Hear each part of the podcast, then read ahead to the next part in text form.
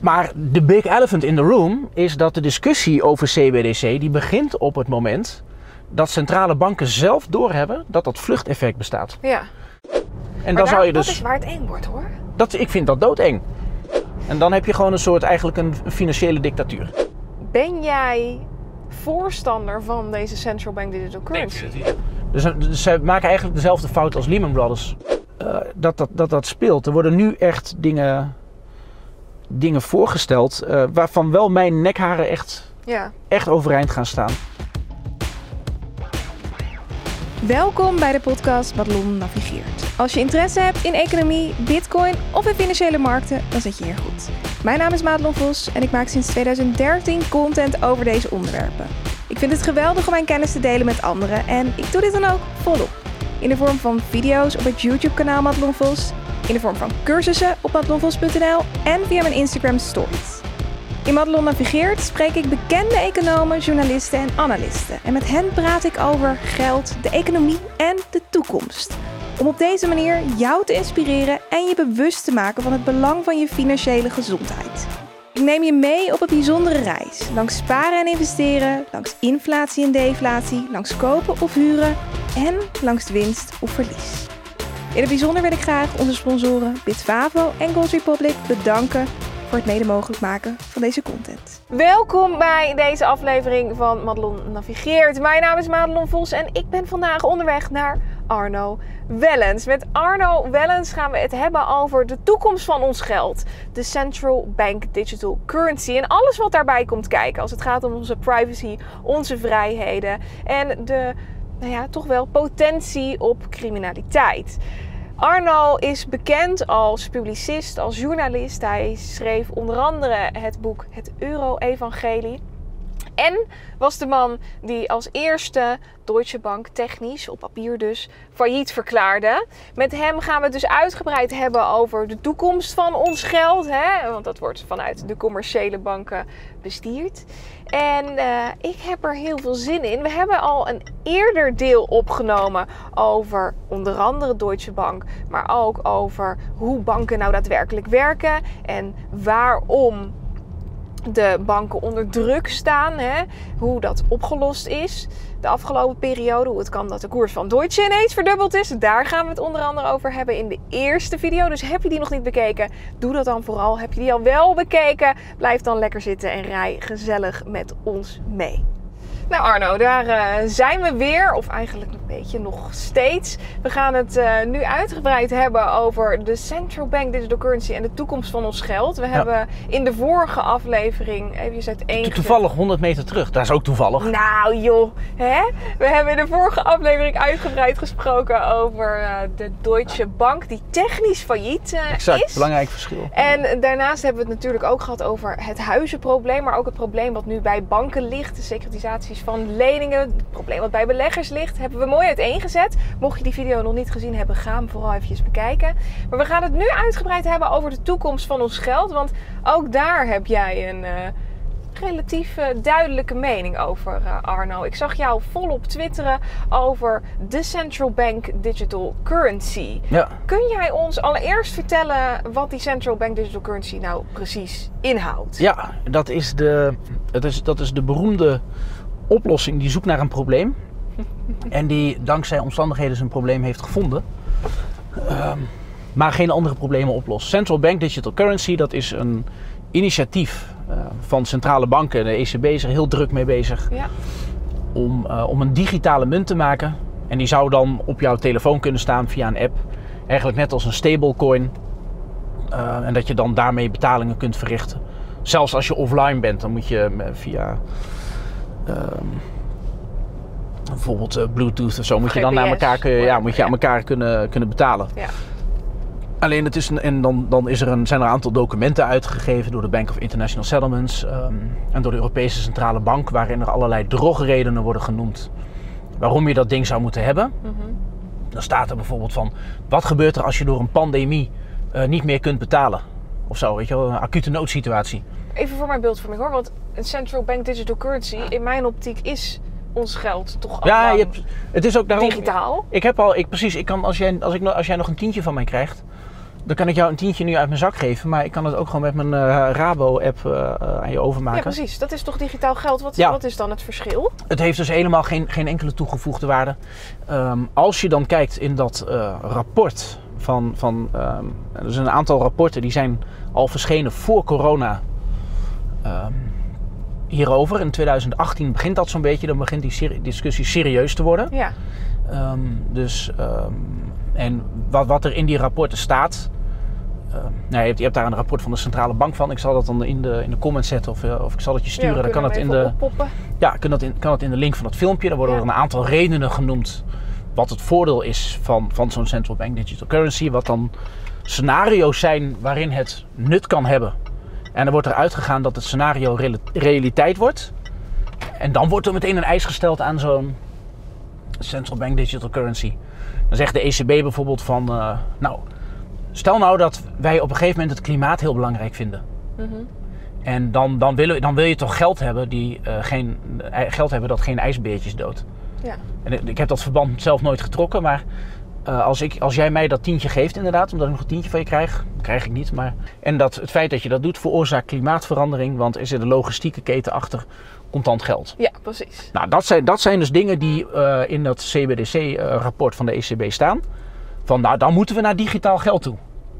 Maar inderdaad, die had je al. Ja. Nou, er is één aspect. ehm, en ik, ik, ik snap trouwens niet dat.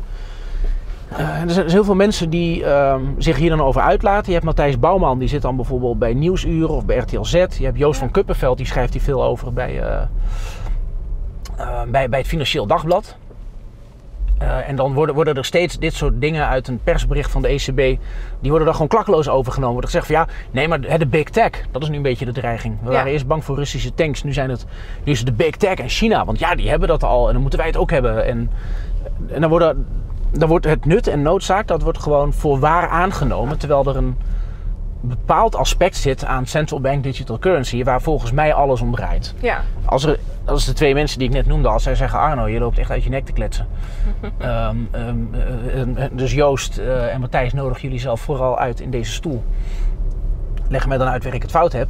Maar die central bank digital currency die biedt jou de mogelijkheid om diep negatieve rente te heffen. En daarmee eigenlijk controle te hebben over eh, hoe mensen omgaan met, eh, met het geld dat wordt gecreëerd. Ja. Dus je zou kunnen zeggen, het heeft te maken met eh, een soort controle eigenlijk op mensen. En dan word je meteen in zo'n complothoek gedouwd. Ja. Maar ehm, in datzelfde rapport van de Europese Centrale Bank, en dat verwijst heen en weer naar een rapportage van de Bank of International Settlements, dus een beetje de, de, de praatclub van de centrale banken onderling. Mhm. Ja, je, gaat, je gaat toch niet iemand met een scootmobiel van de weg duwen? Nee, joh. oké. Dat doen we Ehm, niet. Nee, een beetje heel keurig. Ehm, maar goed, wat, wat, die, wat die zeggen, dus wat, wat dus al voor corona werd genoemd, is dat, je, dat de central bank digital currency is een reactie op, nou, ik zal meteen uitleggen wat het is, maar dat is een bepaald probleem en dat heet het de zero lower bound met betrekking tot eh, monetair beleid. Ja. Dus jij kan zeggen, nou je wil rente verlagen om mensen aan te sporen om meer uit te geven. Tegelijkertijd ga je meer geld scheppen zodat eh, de liquiditeiten er ook zijn om te lenen. Nou, we hebben in het vorige filmpje ge- eh, genoemd, dat gebeurt gewoon niet. Mhm. Je kan gewoon vaststellen als je naar die balansen van, de, van die banken kijkt dat dat stimuleren van de economie compleet mislukt. Ja. Maar goed, bij dat, hè, dus bij steeds meer, steeds verder lang doorgaan met, eh, met het stimuleren van de economie, zoals het dan heet, moet je dus ook steeds verder de rente verlagen. Ja, En waar- waarom moet dat ook alweer? Waarom eh, hebben we überhaupt negatieve rente bij de Omdat commerciële je, bank? ja, omdat je dus je moet mensen straffen voor hun spaarzaamheid. Dat is eigenlijk wat er gebeurt. Ja. Want als je al dat geld bijdrukt en mensen potten het op. eh, dus ja, je kunt je voorstellen als je op 4% rente zit, spaarrente, en mensen houden het aan, want ze, ze hebben geen nieuwe wasmachine nodig en ze vinden die 4% wel leuk. Nou, dan ga je dus naar 3% om ze Ja. nog een zetje te geven. En dan, Ja, maar dan is de concreet... prikkel om te, om te sparen is dan. En als je dat blijft doen, Ja. want je saneert je financiële systeem nooit. Hè, je, je, je hebt dus nooit een echte inhoudelijke discussie over ehm, ehm, hoe moet je huizenmarkt eruit zien, hoe moet je euro eruit zien bijvoorbeeld. Mhm. Eh, dat het, hè, want de centrale bank, de Europese centrale bank, lost eigenlijk het probleem op dat politici hebben laten liggen. Mhm. Die hebben gezegd, wij gaan met een monetaire unie beginnen, een euro, gemeenschappelijke munt, zonder politieke unie. Dat kan helemaal niet. Ja. Ehm, Sorry mevrouw. als er dan een land in een crisis terechtkomt, zoals Italië en Griekenland, dan zeggen we we gaan ze niet helpen, hè, geen cent meer naar de Grieken. Ehm, nou, dan gooi je zo'n land gewoon de afgrond in. Mhm. En dan bedreigt dat het voortbestaan van je euro. Nou, het heeft de Europese Centrale Bank gezegd. Van, eh, nou oké politici, ik ga... hè, Mario Draghi met zijn bazooka, die zei, nou dan zal ik tijd kopen... zodat jullie de ruimte hebben voor een politieke oplossing. Wacht Dus even ik- hoor, Arno, ik, ik dwaal een beetje af. Ik wil eigenlijk eerst even goed begrijpen waarom er negatieve rente is. Want daar is een reden voor dat de commerciële banken die rente moeten doorberekenen aan de klant. Want het liefst Ja, doen ze dat natuurlijk omdat niet, die centrale bank dat doet. Maar die- Precies, maar die centrale bank- doet dat. Ja, die centrale bank die heeft een constant beleid Ja. van dus, de, dus die euro zit politiek slecht in elkaar. Ja. Die politiek leiders willen het niet redden. Dan zegt de ECB, dan moet ik het maar doen. Ja, En dat doe ik met steeds meer geld bijdrukken. ehm, bezittingen van balansen van banken kopen. ja. En steeds de rente verlagen om mensen nog een extra zetje te geven om meer te consumeren. Mhm. En het voordeel is ook, en dat is ook wat de ECB nu doet, is dat als je die rente negatief maakt, je hebt een beleid van de centrale bank dat zij ehm, ehm, de, de, de rente die, die, die, eh, die op beleggingsproducten zit, hè, bijvoorbeeld je hebt zo'n belegging op de balans van Deutsche Bank met een negatieve rente. ja. Als die net zo laag is, die negatieve rente op dat beleggingsproduct, als de rente die de Europese Centrale Bank aan de spaarders rekent, ja. dan mag je ook die troep van de balans van Deutsche Bank aftrekken. Dus het is een soort race to the bottom. Alleen dat is dus wat je krijgt. Dus je moet tien jaar lang duurt dat al. Zegt die centrale bank: wij gaan geld bijdrukken, rente verlagen. Geld Ja. bijdrukken, rente verlagen. En niemand had verwacht dat die rente negatief zou worden. Nee, maar dan kom je op een gegeven moment, en dat is dus gewoon een, een bepaald theoretisch probleem waar je tegenaan loopt. Ehm, dat is dat je dan op een gegeven moment bij de nullijn zit. Ja, En dat is in- sinds 2016 is dat een probleem. Ehm, en dan moet je dus hele rare dingen gaan doen. En dat staat dus gewoon in die artikelen. Ik zal dat dan, eh, ik zal dat, wat ik zei, dat stoppen we dan in de, in de beschrijving. En dat is gewoon een discussie onder centrale bankiers en economen. Dat is dat je eigenlijk niet onder de nul kunt gaan. En dat is die zero lower bound. Ja. Want wat er gebeurt als jij ehm, van 1% spaarrente naar 0% gaat... en je wil dan nog verder doorgaan met... eh Oeh, dat is een botsing. oh, Zit die erin of... eh? Oh nee, niet. Die dacht Zo, die, heeft, eh, die, is Ja. even tegen het verkeer Hoe komt ingereden. die daar dan? Dat vind ik wel heel knap. Ja. Was ook een man, hè, zeggen we er meteen bij. Ja, dat was een man. En jij kan beter rijden dan ik, zeg ik er ook meteen bij. Yes, Ja, die ik jij, je doet, maar je doet ook praten en eh, ik, ik kan dat niet. Ik vind het heerlijk. Ik vind het, ik vind het echt heel knap. Goed, we gaan even weer terug. Ja, negatieve rente. Precies. Dus, dus wat gebeurt er? Die, ehm, die centrale bank, die verlaagt zijn rente, verlaagt zijn rente, verlaagt zijn rente, komt bij de nul uit. En dan ontstaat er het hele vervelende effect dat eh, op het moment dat je de spaarrente negatiever gaat maken, Ja, dat je een bonus invoert voor pinnen. Of in bitcoin stappen. contant geld pinnen. Contant geld pinnen. Want als stel dat jij 10.000 euro op je rekening hebt staan. En de centrale bank zegt, oh ik ga daar, eh, ik ga daar negatieve rente over heffen. Ja. Als jij die heffing wil ontlopen, dan loop je naar de pinautomaat en dan haal je je je geld eraf. Dus en je dan krijgt is dat, eigenlijk een bankrun. exact, dat is wat je uitlokt. Ja. En dat effect is meetbaar. Dus de, de Europese Centrale Bank heeft in, dat, eh, in het, het rapport, het CBDC-rapport, waarin ze dat aankondigen van 2020, hebben ze gezegd. Ja, het gaat niet om heel veel geld, het gaat om 50 miljard of zo, wat er dan in één keer afgaat. Maar zij zullen nooit zeggen dat er een risico is op een bankrun. Nee, ze, ze noemen het niet zo. Ze zeggen dan, ehm, partijen houden meer contant geld aan. En dat is een, dat is een heel mooi eufemisme. En het Ja. staat allemaal gewoon... Het is, eh, eh, het is economisch bulletin nummer 6 uit 2018 van de ECB. En dan heb je een, eh, gewoon twee mensen die daar braaf werken. En die doen gewoon netjes hun werk. Ja, En die zien dat op een gegeven moment van... hé, hey, we hopen dat mensen steeds contanter gaan betalen. Maar, of steeds digitaler worden. Ja. Maar ze, ze trekken wel meer contanten eruit. Omdat ze die heffing willen ontlopen. En nu kun je je voorstellen dat als die ECB in een soort politieke leemte zit... Hè, die moeten dus problemen oplossen die politici niet oplossen. Mhm.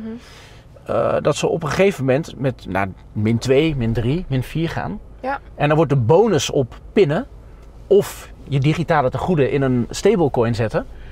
Je verdient Die dan al geld. groter. Precies. Exact. Eigenlijk is het een soort van cashback op het moment dat je je geld daar weghaalt. Exact, want dan ben je af van die, van die nare negatieve heffing. Maar dat betekent dat de commerciële banken weer onder druk gezet worden. Ja. En dat is, maar dan ga je vooral, ehm, ja, Want dan, dan, dan gaat iedereen gewoon vluchten. Er, er is een vluchteffect. Ja. En dat vind ik dus heel vreemd. Dat economen en politieke commentatoren, die noemen dat dan niet. Die zeggen, ja, oké, nou een van de voordelen van CBDC is ja, big tech en, eh, eh, en eh, klimaat en zo. Want we krijgen dan klimaatneutraal geld en dat gaat heel slecht met de ijsbeer. Maar de big elephant in the room is dat de discussie over CBDC, die begint op het moment dat centrale banken zelf doorhebben dat dat vluchteffect bestaat. Ja. En dan, dat blijkt ook uit die documentatie, dan staat daar ook in dat CBDC een alternatief is voor contant geld. Ja, en, Dat is wat het is. En eigenlijk ook een alternatief voor stablecoins. Absoluut. Of cryptocurrencies. Ja, want, dat, want dat, is je, dat is op dezelfde manier een vluchthaven. Ja, want wat er nu eh, gebeurt, hè, op het moment dat je internationaal transacties wilt doen, worden er in sommige gevallen stablecoins voor gebruikt. Maar wat er ook kan gebeuren, is dat mensen zeggen: Nou, ik ga liever naar een, eh, een tech-bank, neem bijvoorbeeld Ja. een Revolut. Ik zet daar mijn geld neer en ik zet het ook voor een deel in crypto. Ja. En eh, niemand doet me wat, want ik heb geen last van die negatieve rente. Exact. Dat is het hele punt. Dus je krijgt inderdaad vluchtgedrag. Daar is je, eh, en wat er dan gebeurt, en dus de centrale bank die noemen dat, en dat staat dan in die rapporten. Dan staat er letterlijk van ja, wij hebben een probleem met betrekking tot monetary policy transmission. Ja. Dus je kunt je eigenlijk letterlijk voorstellen, als we het een beetje flauw eh, noemen, stel je voor, je hebt de, nou, die toren van de ECB daar in Frankfurt. Eh, daar zitten ze nou bovenin. Daar zit dan de, daar zit dan Christine Lagarde, die zit met haar team en die zegt van nou, we gaan de rente nog een beetje verlagen. Ja. Op het moment dat ze dat doet, zit er in het midden van de bank, daar zit een logistieke afdeling die de, die de, de, de, de, ja, de uitgifte van munten en biljetten faciliteert. En die krijgen dan meer vraag naar biljetten. Ja. Dat effect is meetbaar. Omdat die rente vlak onder die nul hangt, is het nog niet een enorm groot effect. ja. Maar het effect bestaat en die centrale banken zijn zich daarvan bewust. Dan is het een heel logisch dat je dan op een gegeven moment gaat voorstellen dat die logistieke afdeling en de directie en Christine Lagarde, hè, dat ze met elkaar gaan praten en dat ze zeggen, joh, ehm, als, eh, als het effect van een verdere renteverlaging is dat jouw monetaire beleid niet meer werkt, omdat mensen dan simpelweg hun geld weghalen ja. en die prikkel niet ervaren, ja, dan ga je contant geld afschaffen. Nou ja, Christine Lagarde die zegt zelf dat het niks te maken heeft met het, het willen afschaffen van contant geld, maar dat het te maken heeft met dat er een demand is vanuit de burgers die vragen om eh, het doen van, van niet meer cashbetalingen, maar van online betalingen. Nou ja. Dus die het liefst via bankentransacties doen en dus geen cash meer gebruiken. Dat Nou, is de vraag vanuit de burger en daar willen zij aan voldoen. Ik ken nog best wel veel mensen die graag met cash betalen. Ik bedoelde, ik bedoelde dat andere. Ken, ken jij mensen die. Dus je gaat Die naar schreeuwen feestje. om ik Ja, wil geen cash meer. Ja. Nou nee. Inderdaad. Nou, en dus, ik, ik moet wel zeggen, ik ken wel een paar mensen. De, de, eh, ik heb een, een hele goede vriend die heeft smetvrees. Die is ook Oh, heel ja. blij met corona. Die mag ik ook niet meer aanraken. En, eh, en die, die zou wel. eh, die, die, zie ik daar wel voor aan. Alleen, nou goed, dan wil hij geen contant geld meer. Ehm, dan gaat hij maar overstappen naar eh, eh, enkel met zijn zijn pas betalen. Ja, Dus hij stuurt mij nu een tikkie bijvoorbeeld als we samen een biertje hebben gedaan. Of ik moet hem een tikkie sturen. ja. Dus met tikkie eigenlijk heb je dat probleem ook al ondervangen van zijn smetvrees. Mhm. Dan is het hele argument achter, ehm, eh, achter zo'n central bank digital currency is achterhaald. Want het, het- je hebt dan twee apps van de Euro, van de Europe- via de Europese Centrale Bank op je telefoon. Eén is dan nou, bijvoorbeeld nu Rabobank voor mij en dan kan ik jou of hem kunnen we tikkie sturen. ja. En anders gaat dat via dan CBDC, maar het is allebei digitaal. Dus de praktische toegevoegde waarde is nihil. Nou, dan komen er alternatieve eh, verklaringen van... ja, maar straks is er een pandemie en dan moet je offline kunnen betalen. Nou, dan doen we dat toch weer het ouderwetse tientje. Ja. Daarom noem ik het een probleem dat op zoek is naar een oplossing. ja, precies. Eh, Of een oplossing op zoek naar, naar een probleem. En dan zie je dus in die documentatie en dan zie je de big elephant in the room. En dat gaat gewoon over dat monetary policy transmission. Dat omdat die bank naar eh, die rente die wordt steeds negatiever en negatiever. En als je voorbij de zero lower bound bent, Ja. dus de, de 0% en dan het negatief maken, dan gaan mensen gewoon weg bij je. Ja, en dat is echt waar het fundamentele probleem Ja, ontstaat. dat, dat, is de, dat is het grote verhaal erachter. Toevallig eh, las Maar dan ik, moet je, dus, eh, moet je dus dingen afschaffen. Dan moet je alternatieven afschaffen. Toevallig las, las ik laatst een tweet van Paul Buitink. En die eh, had het dus over het feit dat Christine Lagarde zei... mensen vragen hierom, ze Ja. willen niet meer met cash Wie? betalen. En toen zei Paul Buitink, heel terecht... mensen vragen ook om lage inflatie. Ze vragen, ze vragen om hè, woningen die normaal geprijsd zijn. Waarom begin je daar niet mee? Waarom begin je met iets onzinnigs als het hè, bijna afschaffen van cash? Want dit is waarschijnlijk een voorstadium van het afschaffen van cash. Want Ja. dat moet op het moment dat je die central bank digital currency wil invoeren en je wil niet dat mensen gaan weghollen. Ja, precies. En dat, en dat staat trouwens ook in die documentatie van de ECB. Eh, daar staat het ook van ja, het, het biedt allerlei mogelijkheden om, eh, om gedrag te belonen. Ja. En Maar dan daar- zou je dat dus. is waar het eng wordt hoor. Dat, ik vind dat doodeng. En dat, dat, is, dat is waar je heen gaat. Want je, gebruik, je krijgt dan een totale digitale controle op mensen. Ja. En we gaan dus ook naar een Europese Unie toe. Ze zijn bezig met een European Union Data Space en een, een e-health en e-identity. En dus dat alles digitaal wordt en dat Ja. bankrekeningen en social media profielen, dat alles op elkaar wordt aangesloten. ja. En dat de data die dat oplevert, eh, ook met betrekking tot gezondheid, ja, dat, dat moet je dan kunnen verkopen. En dat zijn allemaal initiatieven die voor corona er al waren. Die worden dan met corona als excuus wordt dat dan versterkt. En dan zie je allemaal eh, opinieartikelen van ja, maar ja, corona kun je ook eh, verspreiden met contant geld. Really? Is dat een, is dat een, een meetbaar Is dat een probleem? argument nu? Is dat een argument? En dan, eh, klimaat, mensen vinden klimaat heel belangrijk. Ja. Ja, nee, dan moet je van contant geld af. Want dat tientje dat ik jou. Maar mensen dat, vinden dat wij privacy gaan, ook ja, heel belangrijk. Precies. En controle over je eigen geld. En dat is dus waar het. Of tenminste, laat ik het zo zeggen. Ik heb het dus niet zelf verzonnen. Ik lees de rapporten van de Bank of International Ja. Settlements. Ik lees die rapporten van de Europese Centrale Bank. Waarin ze een aantal aspecten noemen. waarvan ik de een wat waarschijnlijker vind dan de ander. Ja. Dus aspect 1, je redt de ijsbeer door niet meer met contanten te betalen. Aspect 2, je kunt het gedrag van mensen sturen. ja, die tweede is Ik best, denk, ik, eh, ik denk Ja. Cynisch, eh, cynisch als ik ben, ik denk dat die tweede een, eh, een, ehm, ehm, een, een- nou, dat is niet nodig. Kijk, als je naar een aantal staatskundige eh, of, of gewoon juridische aspecten hier, hiervan eh, bekijkt, hè? dus je, je hebt, kijk, de Europese Centrale Bank is nu zo groot als 80% van de economie van de eurozone. ja. Dus ik vind ook niet meer dat je kunt spreken over financiële markten. Het is, het is alsof je, ik vergelijk het wel eens met die, met die gorilla en Artis. Ehm, die gorilla en Artis, die, dat doen ze wel eens beesten bij hem in de kooi.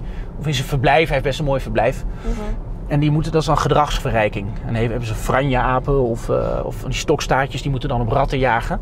Of muizen. En die gorilla, ja, die zit daar een beetje, die vindt dat dan wel niet zo belangrijk. Ehm, en het is, wij kijken nu naar, centrale, naar financiële markten. Alsof wij naar het gorillaverblijf in Artis kijken. Ja. En dan zeggen we, oeh, hoe zouden de financiële eh, eh, markten reageren op de nieuwste begrotingscijfers van Griekenland of zo? Of, of eh, een, een bepaalde bank komt met een, ja, nagenoeg niet. met een, met een, met een, met een persverklaring of zo. Mhm. Het gebeurt nu wel eens dat een bank zegt, ja, door fraude en mismanagement hebben we 10 miljard euro weggepist. Ja. Dan gaat de koers op die dag gaat omhoog. Waarom gaat die omhoog? Dat is met Unicredit gebeurd bijvoorbeeld. ja. Waarom gaat die omhoog? Omdat op dat moment centrale bank en overheid zeggen, ja, maar wij redden je wel. Precies, maar het is dan niet de, de marktwerking aan zich, het is de centrale bank. Exact. die Dus, hierin- ja, dus wij kijken nu in, in die kooi of dat verblijf in Artis, kijken we naar die, die stokstaartjes die zo groot zijn en, en, en muizen en ratten. En die doen wel dingen, die reageren wel op gebeurtenissen. Als het regent gaan ze meer naar binnen dan naar buiten. Bedoel, ja, je, hebt, je hebt overal muizen en ratten in Amsterdam, dat is een Mhm. probleem. Ook in Artis. Maar de big, hè, de, de gorilla in het verblijf, dat is, dat is de silverback. En die slaat af en toe naar links of naar rechts. En dan doet die dingen die een enorme impact hebben op, eh, op huizenprijzen bijvoorbeeld. Ja.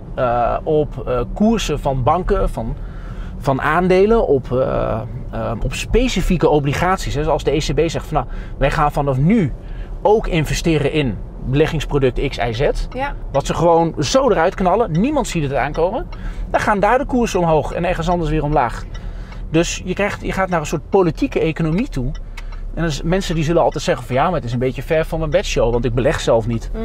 Nou, ook, ook dan merk je het. ja, kijk maar naar de Ehm, huizenmarkt. Kijk naar de huizenmarkt. Maar eventjes terug en, en, maar nu dus direct, nu direct. die central bank digital currency, want daar gaat iedereen het voelen. Daar gaat iedereen het voelen, want dan, dan dat is dus de opzet van dat hele kreng. Dat is dat je daarmee eh, ehm, vanuit het oogpunt van monetair beleid, maar dat kan je natuurlijk heel breed trekken, Ja. dat je dan ge- ge- gedrag gaat beïnvloeden.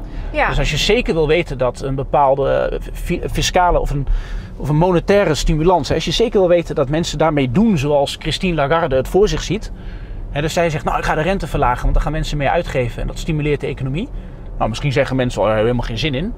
Nou, dan kun je die rentes kun je voorwaardelijk maken. Ja, Dan kun je er zijn zeggen, je- heel veel dingen die ja. hiermee, hiermee samenkomen. Hè? Want op het moment dat je die central bank digital currency zou invoeren, zou dat het einde betekenen van, of mogelijk einde betekenen van heel veel dingen. Je zou eh, bijvoorbeeld kunnen nadenken over het einde van stablecoins, het einde van crypto. Daar moet je vanaf, hè? Dat is absoluut. Het einde van cash. Je zou ook na kunnen denken over het eh, eh, zorgen dat geld een bepaald limiet heeft. Ja. Dus een, eh, je krijgt je salaris uitgekeerd, maar aan het einde van de maand is het op als je het niet uitgeeft. Ja, want dan, want ja, dan weet je zeker, want dan is je monetaire, je monetary policy transmission, die werkt dan. Want je hebt het geld Precies. gecreëerd, je dwingt mensen om het, om uit, het te uit te geven. geven in de reële economie. Ja, en dan heb je gewoon een soort, eigenlijk een financiële dictatuur. Maar ook inflatie zou tot in de oneindigheid kunnen Ja. oplopen op het moment dat je met handen en voeten vastzit aan die central bank digital Ja. currency en er niet meer uit kan. Ja, en je kan het ook per, eh, afhankelijk van het saldo op die rekening, kun je het ook doen. Ja, En dus dan kun je, dan kun je zelf eigenlijk een soort vermogensbelef, eh, of een progressieve vermogen, vermogensbelasting invoeren. Ja. Het biedt allerlei mogelijkheden waarvan je in een democratische rechtsstaat zou moeten zeggen, het parlement moet hierover beschikken. ja. Alleen dat is dus het nare als je die centrale bank al tien jaar lang allerlei tekorten laat opvullen die eigenlijk door politici hadden moeten worden opgepakt. Is al in, het, in de discussies in het Europees Parlement over het jaarverslag van 2011 en 12 zie je al gewoon dat, dat er moties worden aangenomen van joh, wij laten de centrale bank nu allemaal dingen doen die eigenlijk onderwerp zouden moeten zijn van politieke besluitvorming. Mhm. Maar dat laten wij na, want wij modderen lekker door. Wij doen alsof we helemaal geen problemen hebben. Dan gaat die centrale bank, die zal steeds, steeds extremere dingen moeten doen. ja. Het is alsof je, eh, je hebt iemand op je feestje en jij vindt het jouw verantwoordelijkheid om ervoor te zorgen dat die persoon heel gelukkig is. Maar die houdt van alcohol, dan gooi je er meer, gooi je er meer, gooi je er meer drank in. En op een gegeven moment eh, ja, heeft hij eh, heeft hij 30 wijn op of zo. Ja, dan moet je er... eh, moet, je, moet je met, moet je met eh, shots tequila moet je, moet je in zijn arm spuiten, bij, bij, bij wijze van spreken. Maar dat is hier het drugs geval. is het eigenlijk. Monetaire drugs. Ja. Ja, de centrale bank zegt, nou oké, dan gaan we spaarrente een beetje verlagen. Dan kom je bij nul. Ja. Nou, dan ga je onder de nul. Dan zeg je tegen die banken, nou dan bereken je dat maar door aan je spaarders. Mhm. Dan gaan we een beetje verder doen, gaan we een beetje verder doen. Komt een pandemie bij, oeh, moeten we nog wat geld bijdrukken. Dus die centrale bank die gaat steeds extremere dingen doen. En die is al over die zero lower bound heen. Zal daar verder onder komen. Ja. De renteverhoging nu, dat zou eh, vrij explosieve gevolgen hebben. Want daar stort, dat- stort al die gekkigheid in. Mhm. En dan kom je dus op een gegeven moment uit bij die central bank digital currency. Dan, want dan moet je dus inderdaad via digitale technieken toch precies gaan controleren hoe, eh, wat mensen dan doen met Met het geld dat jij hebt geschapen. Ja. En, en, en dat is dus het nare, want de centrale bank die vindt dan van zichzelf, dat is een ondemocratisch instituut, waarvan ik zou zeggen, dan moet ook het mandaat dat die, dat die club heeft beperkt zijn. Mhm. Maar die, die meet zichzelf nu allerlei dingen aan. Die, die vindt dat zij moeten gaan Dat over... zij hierover mogen beslissen of moeten beslissen. ja, want het is gewoon belastingheffing. En even in mijn, in mijn, in mijn beeld, voor mijn beeldvorming hoor. Want ben jij voorstander van deze central bank digital currency? Nee, ik vind, het, ik vind het afschuwelijk. Ja, we zitten natuurlijk nu midden in het interview met Arno Wellens. En ik kom er eventjes tussendoor, want ik wil heel graag wat bij je aankaarten. Het is namelijk ongelooflijk van belang dat deze video's met zulke kwalitatieve content grootschalig worden gedeeld. Vind je het dan ook belangrijk dat je vrienden, je buurvrouw, je moeder, je familie hier meer over weet en begrijpt hoe eh, Arno tegen bepaalde dingen aankijkt en waarom dat zo van belang is? Zorg dan dat je deze aflevering deelt. Dat kan hieronder op de knop onder deze video. Die vind je aan de rechterkant. Je kan hem delen op Facebook, maar ook direct via WhatsApp als je dat zou willen. Voor ons als makers is het namelijk van ongelooflijk belang dat deze content breed verspreid wordt en dat een grotere doelgroep deze video's kan vinden. Je helpt ons er ongelooflijk bij. Heel erg bedankt voor het delen en nu gaan we snel weer verder met het interview. Ik, ben, eh, ik vind dat je. ehm, Want in de basis, hè, als je heel, heel eh, erg vanuit een helikopterview kijkt, zou je zeggen: Nou ja, hè, op het moment dat je iets minder afhankelijk bent van die commerciële banken, hè, het omvallen daarop, dat zou dan toch mooi zijn? Maar die hou je, die hou je feitelijk. Want, eh, want dat, zegt, dat zeggen die documenten van de ECB en de Bank of International Settlements. Die zeggen dat zelf. Van, ja, maar ja, we hebben dat nodig vanuit eh, Monetary Policy Transmission. En dat gaat nog altijd via, zeker dat, eh, dus het quantitative easing, dat gaat gewoon via particuliere banken. Ja. Dus die zullen daar altijd een rol in hebben. Als, want als je het gewoon zou laten gaan, dan zouden heel veel, en dus waar het het betalingsverkeer betreft, dan zou je heel veel alternatieven krijgen die die banken juist wegconcurreren. En dan komt de centrale bank met iets dat eigenlijk een concurrent is voor die alternatieven. Dus eigenlijk is die centrale bank wat dat betreft die eh, eh, particuliere banken aan het redden. Dat, dat, dat, dat CBDC, dat is een voorspelling, maar we kunnen het over een paar jaar zien. Dat CBDC zal niet eh, de operatie van een particuliere bank in de, in de wielen fietsen. Want daar is het niet voor gemaakt. Het is gemaakt voor controle. Ja, dus, dus jij zegt eigenlijk, het heeft in, de, in den beginnen niets te maken met die negatieve rente, maar met de controle van waar het geld terecht komt en hoe het uitgegeven wordt. Want maar mensen, die want, ja, rente is, is, een, is een mooie bijkomstigheid dat Ja. mensen niet wegrennen. Dus het betekent wel dat de commerciële banken dit zullen gaan eh, monitoren. ja, die zullen de. Ja.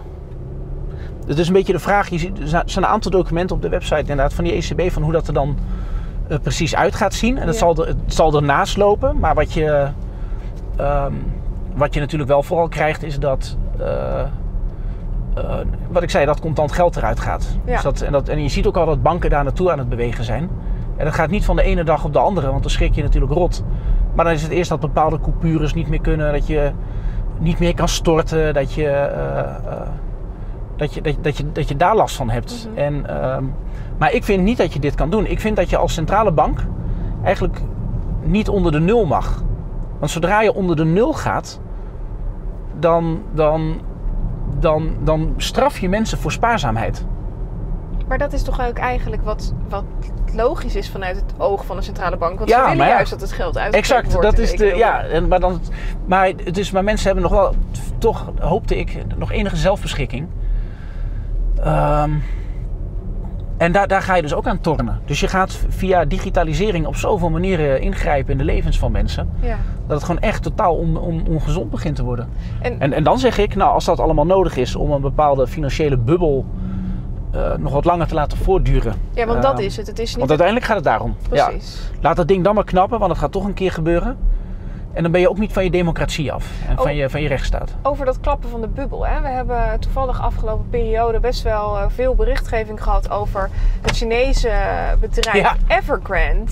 Het is een eh, vastgoedontwikkelaar in China, een van de grootste eh, in China. Ze hebben eh, in totaal 200 miljard aan schuld, 300 miljard aan assets op de balans. Ongeveer even grote rijkwijd als wat eh, Lehman had aan Ja. assets op haar balans. Kun je even kort toelichten wat er aan de hand is en of dat een mogelijk risico is? Ja, het is de. Kijk, dit is wel echt een, een, een, enorm, een enorme knoepert van een bedrijf. Ja. Ehm, als je in de jaarrekening kijkt, en dat is eigenlijk al. Sinds een, sinds een jaar is dat al een, een dingetje, zullen we maar zeggen. Mhm. Dat is ehm, dat zij eh, bezittingen opvoeren. Dus mensen in China die willen heel graag van platteland naar de stad. Eh, dan zijn ze wederom bereid om zich eh, tot het absurde in de schulden te steken. Ja. Ehm, dan worden er door dit bedrijf worden er dan ja, hele nieuwe woonwijken aangelegd. Waarbij ze de waardering van die woonwijk, die, die zetten ze op wat ze denken te kunnen verkopen. Dus ze denken, nou ja, je krijgt ook in China, in bepaalde steden, bepaalde schaarste en een, eh, eh, en een ellende. Mhm. Dus we zullen vast wel deze woningen voor zus en zoveel kunnen, vast, eh, kunnen verkopen. Ja, in En de dan- toekomst. Exact. En dan nemen ze schulden aan met toch best wel hoge rente. Ja, dus niet 0, maar eerder 6 of zo, of soms 10. Ehm, gebaseerd op die hoge waarderingen. Ja. En die staan in binnen- en buitenland uit. En nu blijkt dus, en de accountant die zei dat al, dat was mijn hoofd was het PwC, maar die zegt al in de, bij, de, bij de controle, die zegt van ja, wij moeten dit goedkeuren, maar we hebben een probleempje. Want de waardering van die, eh, van, van, ja, van, van, van dat vastgoed, Mhm. dat is wel heel erg subjectief. Ja. En die schuld is hard. En dat is een, een klassieke een, een klassiek probleem natuurlijk. Dus die bank, die, die accountant vraagt zich af van... kan je door de verkoop van die... Excuus. geen enkel probleem, kan je door de verkoop van die huizen... kun je daar ooit wel die schulden mee aflossen. En dat is nu dus gebleken dat dat, dat bedrijf... dat heeft het veel te positief ingeschat. Ja. En het nare is natuurlijk dat dit niet de enige, het enige bouwbedrijf is. Je zult er meer hebben. En het nare is dus ook dat China is eigenlijk onze, eh, is een beetje onze bank geworden. Ehm, wij, wij, de import uit China naar Nederland bijvoorbeeld is in één maand nu net zo hoog als gedurende de hele jaren 80. De import, dus de, de- wat, wat wij uit China kopen, is ook 30 miljard meer dan wat wij daar verkopen. Ja. En dat heeft bepaalde effecten. En dat is- is ook, ook iets waar wij het eigenlijk recentelijk helemaal niet zo, zoveel over hebben gehad. Ehm, China is eigenlijk op een vrij oneerlijke wijze bezig om, om een concurrentievoordeel te krijgen. Ehm, en dat maakt dus, hè, dus wij, wij, wij verkopen voor 13 miljard euro aan spullen aan, aan China. Maar er komt der- 43 miljard euro terug. Ja. En dat is de rommel die bij de Action ligt. Of, wie, Ja. of die wij met containers doorduwen naar andere landen in Zuid-Europa. Zodat we daar eh, bedrijven eigenlijk eh, on- on- eh, met, met oneerlijke concurrentie laten kennismaken. Mhm. En op die manier heeft China heeft honderden miljarden euro's handelsoverschot met zowel de VS als, als, als de EU. En ehm, dat geld dat hoopt zich daarop. Dat is heel logisch. Als je hier een fabriek hebt en die doe je dicht. Want je zou, oh ja, die, fabriek ja, die heeft van die, van die, van die schoorstenen en eh, klimaat en zo. En dan gaat die, oh dan moet hij maar naar China. Nou, Ja. dan gaat de fabriek dus inderdaad in China open. Onder slechtere milieuomstandigheden. Omdat je daar heel anders met afval mag omgaan. Dus de vervuiling neemt daardoor toe. Je logistieke keten wordt veel langer. Dus dat hele Suezkanaal dat verstopt natuurlijk als een malle. Ja. Dat veroorzaakt ook allemaal CO2-uitstoot. Maar dat gooi je dan op naam van een of ander Afrikaans land. Wij denken dan in Europa dat wij milieuvriendelijk bezig zijn. En een heel groot neveneffect hiervan is dat de winsten van de bedrijven die wij eerst hier hadden, die slaat nu neer in China. Dus die banken die ontploffen daar. Ja. De grootste banken van de wereld die staan nu ook in China. En dat was, ja, dat, dat was ons geld eigenlijk. En dan krijg je dus het leuke, of ja, het leuke, de, de, eh, dat China die gaat dus dezelfde fouten maken als Lehman Brothers. Want die vragen zich ook af van, joh, wat gaan wij doen met al dat geld? Ja. Dan krijg je de search for yield. En dan is er op een gegeven moment een Dus ze lokale laten Chinees... renderen, Ze willen het laten ze renderen, juist. Een, doen. en dan is er een vastgoedpartij die zegt van... eh, nou, een huis kost eigenlijk... eh, laten, we, laten we daar zeggen 10.000 euro om te maken. Maar als ik Ja. het voor 20.000 doe... dan kunnen we extra hypotheken bouwen... en dan kun, je- kun jij daar je, je lening in kwijt. Ja. Dus, eh, dus ze maken eigenlijk dezelfde fout als Lehman Brothers. En wat mij, ik mij heb laten vertellen, eh, is dat deze producten, dat die bij banken over de hele wereld weer op de balans staan. het, is een, het, is een, het is een herhaling van Lehman Brothers. In de UK, in Amerika, Ja. in Canada, in Europa. Nou, dan zul je dus al zien, nou, als dat problemen oplevert. Hè, dus stel dat banken die op de balans hebben staan en eh, die komen daardoor in de problemen. Dan kan de centrale bank weer heel veel snel geld bijdrukken. Ja. En dat gebruiken om dat, dat op te kopen. Mhm. Overheden kunnen dat doen. En dan, dan, ja, dan, wat Nederland dan met ING deed, dat al die Alt-A-hypotheken werden opgekocht. En dan zou je een soort gelijke regeling krijgen. Ja, dus de vraag is dan nu ook of er vanuit China ingegrepen wordt of ze een bail-out zullen gaan doen. Eh, dat zou, kijkend naar hè, hoe China werkt, mogelijk wel in de lijn der verwachtingen Ja, liggen. Er, Dat, er dat lijkt me ook, ja. Er gebeurt daar een protest eh, spontaan. Dat, dat vindt eigenlijk niet plaats. Hè?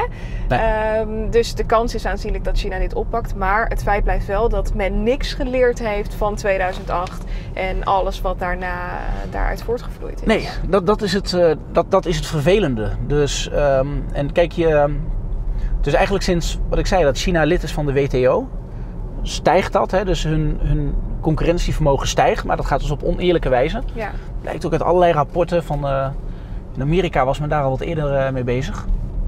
Ehm, en dat, dat, dat zorgt voor enorme financiële verschuivingen, waar, waar wij ook gewoon niet, niet, niet echt mee bezig zijn. Mhm. En je maakt een, een dictatuur op deze manier machtiger. Die dictatuur is niet transparant. Je ziet heel vaak cijfers uit China en dan denk je, ja, maar die sluiten niet aan met iets anders of zo. En dat, ja, een dictatuur kun je dingen doen. Dus een dictatuur is niet transparant. En als je vervolgens jouw financiële systeem daarmee wel gaat laten verweven worden, dan, dan word je afhankelijk van, van een, een, een, een onvoorspelbare factor. ja, Dat is, wat- dat is wat je dan krijgt. En dan zal het dus een keer gebeuren dat er in China En dus iedereen denkt, nou dat Evergrande, dat zal, eh, zal allemaal wel kloppen. Stond dus wel, de accountant had al gezien van, we hebben hier toch echt wel een probleem. Maar dat kan zich dan veel later manifesteren. En dat op dat moment, op het moment dat het jou heel slecht uitkomt, dus nu, eh, geeft dat ineens een praktisch probleem. Dus, dus je, je maakt je financieel systeem op deze manier veel instabieler. Ja, en even kijkend naar hè, het instabiele financiële systeem aan zich. Eh, centraal bankiers die kunnen dus ingrijpen. Dat zou in China hoogstwaarschijnlijk gaan gebeuren. Ja, Ehm, als we kijken naar Europa, proberen ze dus in te grijpen door middel van zo'n central bank digital Ja. currency en alles wat daarbij komt kijken. Ik ben eigenlijk nog wel even benieuwd, hè, als we die central bank digital currency ontleden en kijken naar de toekomst, heb jij een heldere visie, ook al wat blijkt uit, uit de documenten die jij gelezen hebt, over waar dit hè, naartoe gaat? De, als je alle. ehm, ehm, ik, ik kan snel lezen, dat is een vloek en een zegen. Maar als je dit allemaal optelt, dus je kijkt naar wat die bank wil met digitalisering, wat de Europese Commissie wil met eh, Digital EU en dat Ja. soort dingen, en Digital Europe. En, ehm, en ook de reactie op corona, dat we zeggen, nou. eh, eh, ja, dan moeten we dingen maar veel digitaler gaan doen enzovoort dat is toch wel eh, dat heel veel dingen die wij normaal achten, met dubbel T, dus verleden tijd, Ja. eh, dat, dat dat op de helling staat. Ik heb dat in een ander filmpje heb ik genoemd. Als je, eh, je, hebt, je hebt in de Franse Senaat, daar heb je ook een, een ehm, net als wij vaste kamercommissies hebben voor bijvoorbeeld financiën of volksgezondheid, heb je er daar ook eentje. Hè, de reactie op de pandemie. En dan worden er gewoon allemaal dingen voorgesteld die bijna dictatoriaal zijn, maar die hier wel op aansluiten. ja. En in Frankrijk, de, dus die senatoren zeggen: van als je nou volledig digitaal zou gaan, ehm, dan kun je ook kijken en analyseren wat, ehm, wat mensen kopen, bijvoorbeeld. Dus als Mhm. iemand een quarantaineplicht eh, bijvoorbeeld ontduikt, ontloopt, ja. dat kun je nu eigenlijk niet zien. En die, die corona-app die je nu krijgt, hè, die kun je natuurlijk ook gewoon heel, heel simpel hacken. Als ik het anders zo vertellen, maar. ehm, ja, dat, is- dus stel iemand heeft, eh, zegt, komt binnen Frankrijk binnen en zegt: Nou, ik heb geen corona. ja. Maar die koopt bijvoorbeeld wel medische hulpmiddelen. Als je contant geld Ja. afschaft, dan kun je op zijn rekening kijken en dan kun je een algoritme op zijn bankgegevens loslaten. En dan kun je een agent naar zijn huis sturen om te kijken: van hé, hey, je hebt stiekem corona. ja. En het zijn, het zijn dat soort dingen die je dan, eh, die, die je dan kunt doen. Eh, en dat zijn gewoon die Franse senatoren die opperen dat. En dan zeggen ze van ja, maar dan hebben we les outils elektroniek hebben we dan nodig. Dus de, de digitale eh, technieken. En dan, dan putten ze uit China. Dan zeggen ze van ja, maar China die doet dat. Hè? Dus dat social credit systeem dat je in China hebt. eh, dan kun je ook heel makkelijk zien wie er geen mondkap op heeft op plekken waar dat moet. ja. Enzovoort. En dan kun je ook, kunnen mensen elkaar in gebouwen ook aanspreken op fout gedrag en dat soort dingen. En dan gaat je credit score wel omlaag. Dus dan Ja. mag je bepaalde dingen niet Mag je, mag je bijvoorbeeld een keer niet op vakantie en dat soort dingen. Ja. En het zijn gewoon Franse parlementariërs die dat openlijk noemen in die documentatie. Ja. Dus een wetenschappers. Ik snap dat een wetenschapper, een viroloog, die zal bijvoorbeeld opperen van nou, als we nou dit of dat verbieden, dan heeft dat een bepaald virologisch effect. Ja. Nou, volgens mij in een democratie zou dan iemand anders kunnen zeggen, joh, maar wetenschappelijk heb je gezien, maar dit gaat wel heel ver. ja, dit moet eh, democratisch eh, overlegd worden. Ja, en dat zeg maar het, wat, wat wij vroeger bij onze grondrechten vonden, vonden horen, dat we zeiden van ja, maar je gaat nu te ver. Je kunt al, eh, de, de vaccinatiedwang zou je er al onder kunnen gooien. Ja. Ehm, En dat voor- is ten behoeve van de volksgezondheid. Hè? ja, maar dat, Hoe ja, ver ga je is dan exact. Hoe, hoe ver ga je dan? En, en wat mij heel erg stoort, is dat bij heel veel van dit soort voorstellen die, waar, waar men het dan over heeft, dus de quarantaineverplichting. Hè, dus die Franse senatoren zeggen dat van ja, je- quarantaine kun je naleven met een enkelband bijvoorbeeld, die Ja. je normaal gesproken bij pedofielen omdoet. En dan zeggen ze ja, maar dat, dat werkt in Hongkong heel goed. Nou, waarom werkt dat in Hongkong heel goed? Omdat in 2019 heeft de Chinese politie, die heeft daar een aantal eh, rechten die ze hadden eh, afgepakt met grof geweld. Ja. Moet je maar eens op internet kijken, er zijn genoeg beelden van te vinden. Ja, dat is die, Hongko- die Hongkong-Chinezen die wilden een democratie houden en Peking die wilde daar de macht grijpen. Dat was chaos. En het was daar chaos. En toen heeft de politie die heeft daar knetterhard ingegrepen. Ja. Er liggen daar dus allemaal enkelbanden om de, de mensen die het hardst opkomen voor democratie. Om die gewoon thuis te kunnen houden en te kijken wat ze doen. En dan zeggen die Franse senatoren in rapport d'information nummer 679, zeggen ze, ja, wat fijn dat er daar allemaal enkelbanden liggen, want dan kun je die quarantaine mee eh, handhaven. Maar zij vragen zich dan niet af van, maar waarom lagen die enkelbanden daar? Ja. Nou, dat was om een halve revolutie de kop in te, eh, kop in te drukken. Ja. Dus wij gaan, wij gaan steeds meer naar dingen kijken die China doet, die de Chinese Communistische Partij normaal vindt. Waar eigenlijk altijd met de vinger naar gewezen wordt. Van, Ja. hè, in China gaan ze veel te ver, communisme. Ja, en dan, doen, dan gaan wij dat een beetje nadoen. En Onder het mom van de volksgezondheid. ja, want dan zeggen want in China werkt het wel. Ja. Ehm, Maar eigenlijk zeg jij dus, hè, als je kijkt naar die central bank digital currency, is dat het begin. Het is makkelijk om daarmee negatieve rente Ja, eh, te kunnen vluchten, innen. ja. Eigenlijk een verkapte belasting. Het is makkelijk om daarmee inflatie eh, eh, toch door te laten gaan. Ja. Ook al is het hoger dan wat, wat ze zouden willen. En het is daarmee makkelijk om cashgeld te verbieden, om stablecoins te verbieden. Ik ben nog wel benieuwd hoe je dan kijkt naar de toekomst van crypto.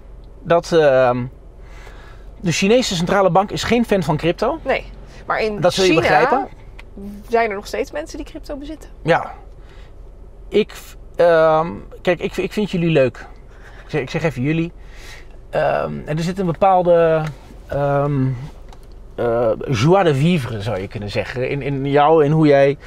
Dus eh, allemaal andere bitcoin, show, bitcoin shows waar ze mij uitnodigen. En dan dat zit ik ergens en ik heb er de, ballen verstand van. Maar Dat de bitcoiners een, een groep mensen zijn binnen de maatschappij die heel goed begrijpen hoe geld werkt en hoe het monetair systeem Absoluut. werkt. En die goed inzien wat er misgaat. Maar exact, maar dat zijn ook vaak mensen die, tenminste dat heb ik het, het idee, die hechten aan vrijheid.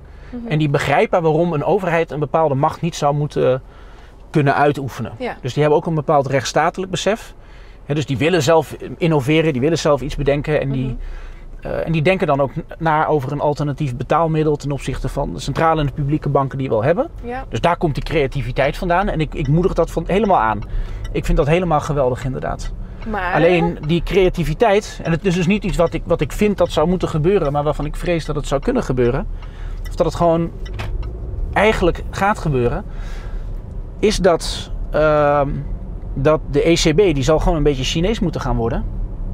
En die, die CBDC, dus, die, dus als je door wil gaan met rente verlagen en je bent voorbij de zero lower bound, Ehm, dan, dan zul je die CBDC nodig hebben, maar dan moet je de stablecoins, net als contant geld, die moet je verbieden. Ja. Want, anders, want anders heb je die escape. En, ehm, ehm, en alle stappen die eigenlijk al in, in dat soort richtingen worden gezet, ehm, je wordt al vrij snel voor complotgek uitgemaakt. Maar dat, dat geldt nu ook voor, voor die, voor die QR-code voor het uitgaan bijvoorbeeld. Mhm. Dat neigt er wel naar dat eigenlijk gewoon alles wat jij doet digitaal wordt. Dus die QR-codes die worden al genoemd voordat corona er überhaupt was. heeft die Ursula von der Leyen, de Europese Commissie, die heeft, dat noemen ze eh, Digital Europe. Zeggen ze, eh, er zal eh, Europa's Digital Decade zijn. Ja. En er waren al die e-health en het koppelen van elektronisch patiëntendossiers en dat soort dingen. Mhm. Dat, dat lag al in de planning. Ook in, ook in net, als dat, net als dat CBDC. En, eh, en corona heeft dat enorm kunnen versnellen. En dan zeggen Ja. we heel vaak van... Ja, eh, eh, corona, dat, ja, nee, dan, dan moet het. Dus mensen slikken heel veel omdat ze denken... Ja, het moet vanwege corona. Ja, ook vanwege de volksgezondheid. Ja, de dat volksgezondheid. wat er wordt. Dus wat nodig is voor de pandemie doen we dan niet. Dan gebeuren er eromheen binnen die dat, dat data gebeuren... gebeuren allemaal dingen die eigenlijk al op de planning lagen. Ja, wat eigenlijk die- best wel. eh, En die hè, neveneffecten hebben die... Ja. Ja, Wat ik, ik zat net met een, met een beveiligingsexpert hierover te, te, te praten. En hij zei ook van... Die, die, dat, dat, dat koppelen van die, van die gegevens. Als je, erover, als je er eens over nadenkt. Hoe griezelig dat is. Ja. En wat een criminaliteitsrisico's dat met zich meebrengt. ja dat, daar komen we eigenlijk gelijk bij mijn volgende vraag. Of, bijna alweer Ja. de laatste vraag, want we zijn al bijna weer aangekomen op bestemming. Ik vraag altijd op Twitter aan mensen voorafgaand aan deze interviews. wat het meeste speelt in hun hoofd op het moment dat we Ja. gaan rijden. En een van de dingen die ik heel vaak voorbij zag komen, Arno, was de vraag over het onderzoek wat de EU nu doet naar een database waarin al Ja. het bezit genoteerd wordt. Maar dus alles. Ja. Je ringen, Ja, je sieraden, goud, zilver, crypto, je auto, je boot. Je contanten. Niet je fiets, je contanten. Oh, die moeten weg. Alles. ja, dat- En we hebben het over het risico op criminaliteit. Jij zegt ook net, hè, als je met beveiligingsexperts spreekt. Dit is iets waar ik heel angstig van word. Want er hoeft maar één ding verkeerd te gaan. En we weten dat de overheid geen topper is als het gaat Nee, om overheid en beveiliging. ICT, ja. ja, ik word daar niet... eh, Ja, het, het stom is ook, oké, je hebt in die Ursula von der Leyen... Die, En mensen maken zich ja. daar heel erg druk Nou, op. terecht, Maar- terecht. ik, ben, ik ben benieuwd naar je visie daarop. Nou ja, die... die, die, die, ehm, ik ga, terwijl ik dit antwoord... Oh, kijk, dit is een mooie testosteronbak. Ja, jeetje. Jij hebt een mooie, maar dit is, komt die op de camera? Zo, ja, die komt erop hoor. Ja, heerlijk. Woehoe. Kijk, dit, is- dit is dus een, eh, een, een- een klimaatmiddelvinger, weet je wel? Dan krijg je ook dit, dan krijg je ook dit gedrag. Ehm, mag ik... eh, ik neem je even mee terug naar een paar jaar geleden. Ja. Had je een, een Maltese mevrouw, een collega-journalist, Daphne Galicia Caruana. En die heeft een enorm eh, corruptieschandaal in Malta ontdekt, dat hij heel erg mee te maken heeft. Ja. Pieter Omzicht heeft er heel goed werk naar gedaan om dat eh, ook naar boven te krijgen eh, enzovoort. Wordt dan verguisd, want dan haalt hij te veel rottigheid naar boven. Wat is daar gebeurd? In Malta is het zo dat je, je kunt een Maltese paspoort kopen. Als Russische oligarch of weet ik wat. Of een Arabische dictator. Of een, je vindt daar alles, is fascinerend. Dan doen ze een brievenbusje op, busje op de Zuidas. Pak je onze fiscale voordeeltjes. Wonen ze, eh ene helft van het jaar wonen ze in Londen in Hyde Park. En daarna eh, aan de Franse Riviera. En dat zijn de, de, de beroemde ja, de belastingvluchtelingen, heel vaak met fout geld. Ehm, en, ze, en die mevrouw Caruana, die journaliste, die is dus opgeblazen door die, door die maffia-mensen. Omdat zij erachter kwam dat als je een, in Malta één ambtenaar omkoopt, Ja. dan krijg je een Maltese paspoort. Dat werkt voor een half miljoen mensen. Alleen een Maltese paspoort is automatisch een EU-paspoort. Dus door in Malta iemand om te kopen heb je een paspoort waarmee je in 27 landen terecht kunt. Zo. Daarom zijn die pas. Dus er wordt ook wel eens gezegd: ja, de EU moet groter worden zodat je de problemen die we hebben samen kunt bestrijden. Ja. Ik zeg dan nee, door zo ruksigloos zo'n land erbij te halen, maak je de lokale corruptie groter. Want je gaat, je gaat niet moorden voor een paspoort voor Malta, maar je gaat wel moorden voor een paspoort waar je ehm, 27 landen mee kunt. eh Jij stopt voor dieren heel netjes. Ja, zeker weten. Moet je nou eens voorstellen, wij gaan alle elektronische patiëntendossiers op elkaar koppelen. ja. En met die medische informatie willen we ook kijken wat je doet. Uh, een centraal register voor al jouw bezittingen, zodat we ook kunnen zien eh, waar jij je geld aan uitgeeft. Uh, houd even bij het elektronisch patiëntendossier en dan, koppelen we, dan maken we daarna de volgende stap Ja. en dan zie je wat er gebeurt. Um, je hebt nu een elektronisch patiëntendossier. Nou, er zitten wat gegevens in. Als je bij mij kijkt, dan kun je precies zien wanneer mijn relaties zijn uitgegaan. Want dan zie je zo'n golf in SOA-testen. Dat is, verder ben ik gezond, dus Ja. afkloppen. dat is wat er, wat, wat er bij mij in zit. Nou, Ja. waarom is er een elektronisch patiëntendossier? Nou, dat kun je praktisch gezien eh, simpel uitleggen. Stel je voor dat ik naar het ziekenhuis moet en ik ben buiten Westen en iemand wil weten welke penicillineprik ik ergens heb gehad. Nou, eh, Ja. handig als ik dat niet hoef te Is vertellen. niet en- handig dat de huisarts dat geprint moet komen en- brengen. Exact, snap het helemaal. Daarom was het elektronisch patiëntendossier ingevoerd. Ja. Nu wordt er gezegd, nee, maar op Europees niveau moeten die elektronisch patiëntendossiers die moeten met elkaar kunnen communiceren. Mhm. Want straks ben jij in een ander Europees land en eh, ben je daar ziek en dan, hè, dan, dan moet de Spaanse dokter moet dan in jouw elektronisch patiëntendossier kunnen kijken. Nou, een volgende stap is dat bedrijven informatie kunnen opvragen voor, voor wetenschappelijk onderzoek. Maar daardoor, en daarom moeten al die patiëntendossiers met elkaar kunnen communiceren. Ja. Nou, nu zie je al, als je naar de, de Maltese vergelijking kijkt, wat dat voor risico heeft. Want als jij erin slaagt om een elektronisch patiëntendossier in Bulgarije te hacken, of laten we zeggen wederom in Malta, als jij dat Maltese systeem kunt hacken, dan heb jij niet alleen de gegevens van die half miljoen Maltesers, maar dan heb je de gegevens van een half miljard Europeanen. Dus de kans dat iemand dan, dus als je, als je die ring hebt van systemen die op elkaar zijn aangesloten, ja, dan gaan criminelen die gaan de zwakste plek zoeken. Ja. Ehm, en dan is de druk op die zwakste plek, die wordt ook immens. Dus je lokt hier, je lokt hier een hoeveelheid criminaliteit uit. En je hebt Yuval Harari, die vind ik heel mooi. Die heeft dat een keer eh, heel leuk gezegd. Notabene bij het World Economic Forum, waar die Ursula von der Leyen ook bij was. Mhm. Die zei van, je gaat geen, eh, in, de, in de 21ste eeuw, als je gewoon van elke journalist al zijn seksuele escapades weet. Dus van een bepaald land weet je wat alle journalisten aan seksuele escapades hebben. En je wil dat land je wil opleggen. Dan heb je die data genoeg. Je hebt Ja. dan geen tanks meer nodig. Dan kun je iedereen onder druk zetten eigenlijk. Exact. En dan kun je de informatievoorziening kun je dan verstoren. Dus dat soort systemen, dat soort databases, die zijn extreem gevaarlijk. Maar En dat werd ingevoerd omdat inderdaad mijn huisarts die wil niet met een papieren dingetje. En dan wordt er op een gegeven moment gezegd: nee, maar dan gaan we ook die patiëntendossiers gaan we aan elkaar koppelen. En dan vraag je gewoon, dan vraag je gewoon om, om, eh, om criminaliteit. En die Ursula von der Leyen in haar speech daar haalt ze hem aan en zegt ze: ja, die, die systemen zijn heel gevaarlijk. Maar we gaan het wel doen. Dus. ehm, en dit is dus waarom ik zo kritisch ben op de Europese Unie. Want burgers willen dit niet. Er zijn geen burgers die vragen van... Nou, weet je wat ik nou heel graag wil? Ik wil een... eh, ja, ik wil die, die CBDC wil ik hebben. Mhm. En het lijkt mij heel handig als mijn elektronisch patiëntendossier... Als dat, gekoppeld is. exact, als dat communiceren met dat van, eh, van Bulgarije. Dat, dat is echt wat ik nu in mijn leven nodig heb. Ik ken niemand die dat doet. Maar goed, je hebt dan een lobbysector die dat heel graag wil. Ehm, en dan wordt daar naar gepusht en dan, dan krijgen we dat opgelegd. Terwijl in een, in een volwassen democratie zou de burger gewoon kunnen zeggen: Ja, maar wij willen dit niet. Hou eens op met die gekkigheid. Is dat ook eigenlijk wat er zou moeten gebeuren? Ja, dat zou ook moeten gebeuren. Maar je krijgt dan een, een Europese richtlijn. En dan wordt er gezegd: van ja, we hebben de European Single Digital Market. Ja. Dus ja, als, als land A, als, daar, als je daar elektronische patiëntendossiers hebt en er zit geld in jouw patiëntendata, dan moet dat gekoppeld worden op dat van land B, want anders functioneert de, de interne markt niet.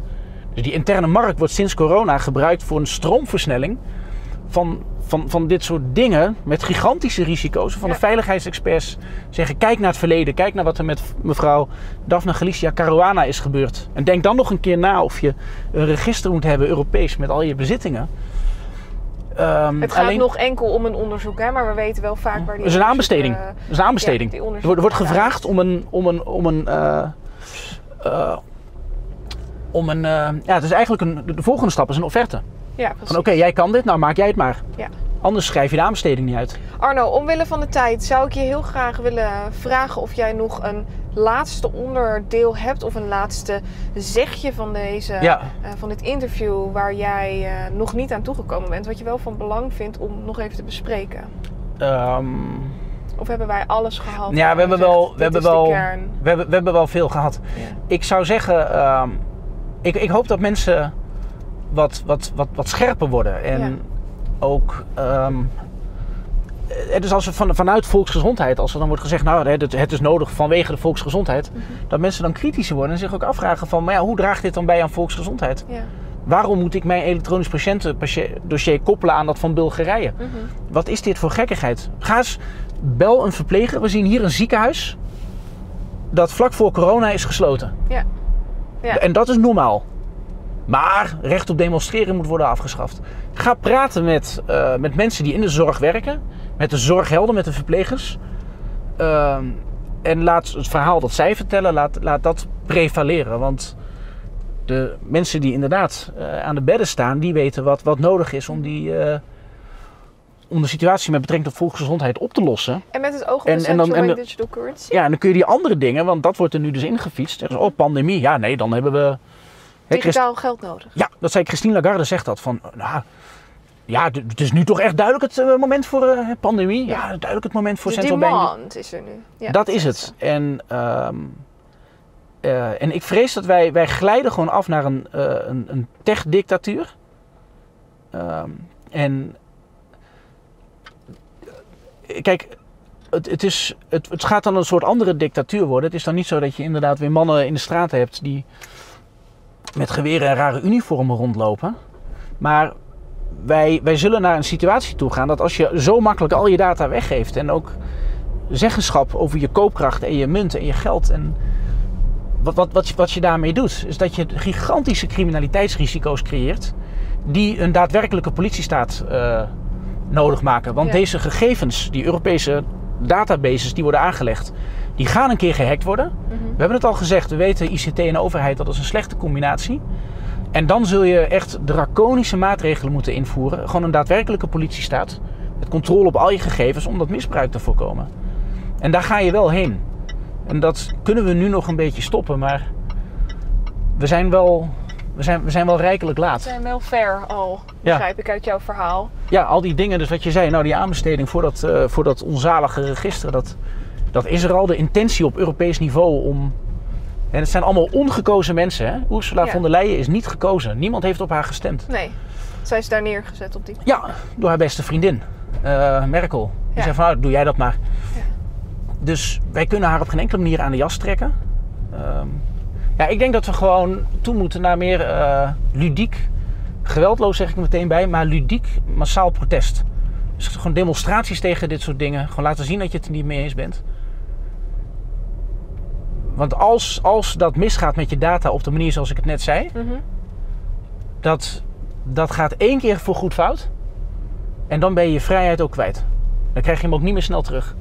Nou, dat zijn geen eh, mooie afsluitende woorden, Arno. Nee, is, ik, had, ik had graag wat leukers willen, Ja, willen vert- vertellen. Maar dit, dit is helaas de dit realiteit. is hoe het is. Ik wil je voor nu ongelooflijk Toch- toch bedanken, ja. Zeker weten. Het is altijd fijn om met jou hierover te spreken. En ik denk dat de luisteraar kan beamen dat ze het ontzettend fijn vinden om naar je te luisteren. En eh, voor nu is dit het tweede deel van deze video. Mocht je de eerste video nog niet gezien hebben, ga hem dan vooral nog eventjes checken. Ik zal een link hieronder neerzetten. Arno, hoe kunnen de mensen jou het beste volgen? Ehm, kijk op mijn website arnowellens.eu. Ik zal daar dan een, eh, een, een downloadlink maken met alle dingen, alle bronnen die ik net heb genoemd. Voor als Ja. mensen zich niet kunnen voorstellen dat het zo werkt. Top. En dan zie je ook mijn contact en, eh, en weet ik wat. En, eh, en hoe je mee kunt doen en weet ik wat. Super. Ik ga die link hieronder plaatsen. Ik wil jou natuurlijk ongelooflijk bedanken voor het kijken. En vergeet ook niet om eventjes op die witte duim te drukken als je deze video leuk vond. En eh, om eventjes te abonneren op dit kanaal. Natuurlijk zet ook eventjes de notificatie aan, want dan krijg je een belletje als, je, als er een nieuwe video voor je klaar staat. Zo, ik was even afgeleid. Toch nog op het verkeer letten natuurlijk. Voor nu wens ik je een hele fijne week. En tot de volgende Madelon Navigeert. Bedankt voor het luisteren naar deze podcast. Vond je deze podcast leuk? Vergeet dan niet een review achter te laten op Apple Podcast. En deze podcast te volgen op Spotify of te delen. Zodat je geen enkele nieuwe podcast mist en anderen deze podcast makkelijker kunnen vinden. Als je meer wilt leren over deze onderwerpen, dan kun je me volgen op Instagram of op YouTube. Voor nu, veel liefs en tot de volgende Madelon Navigeert.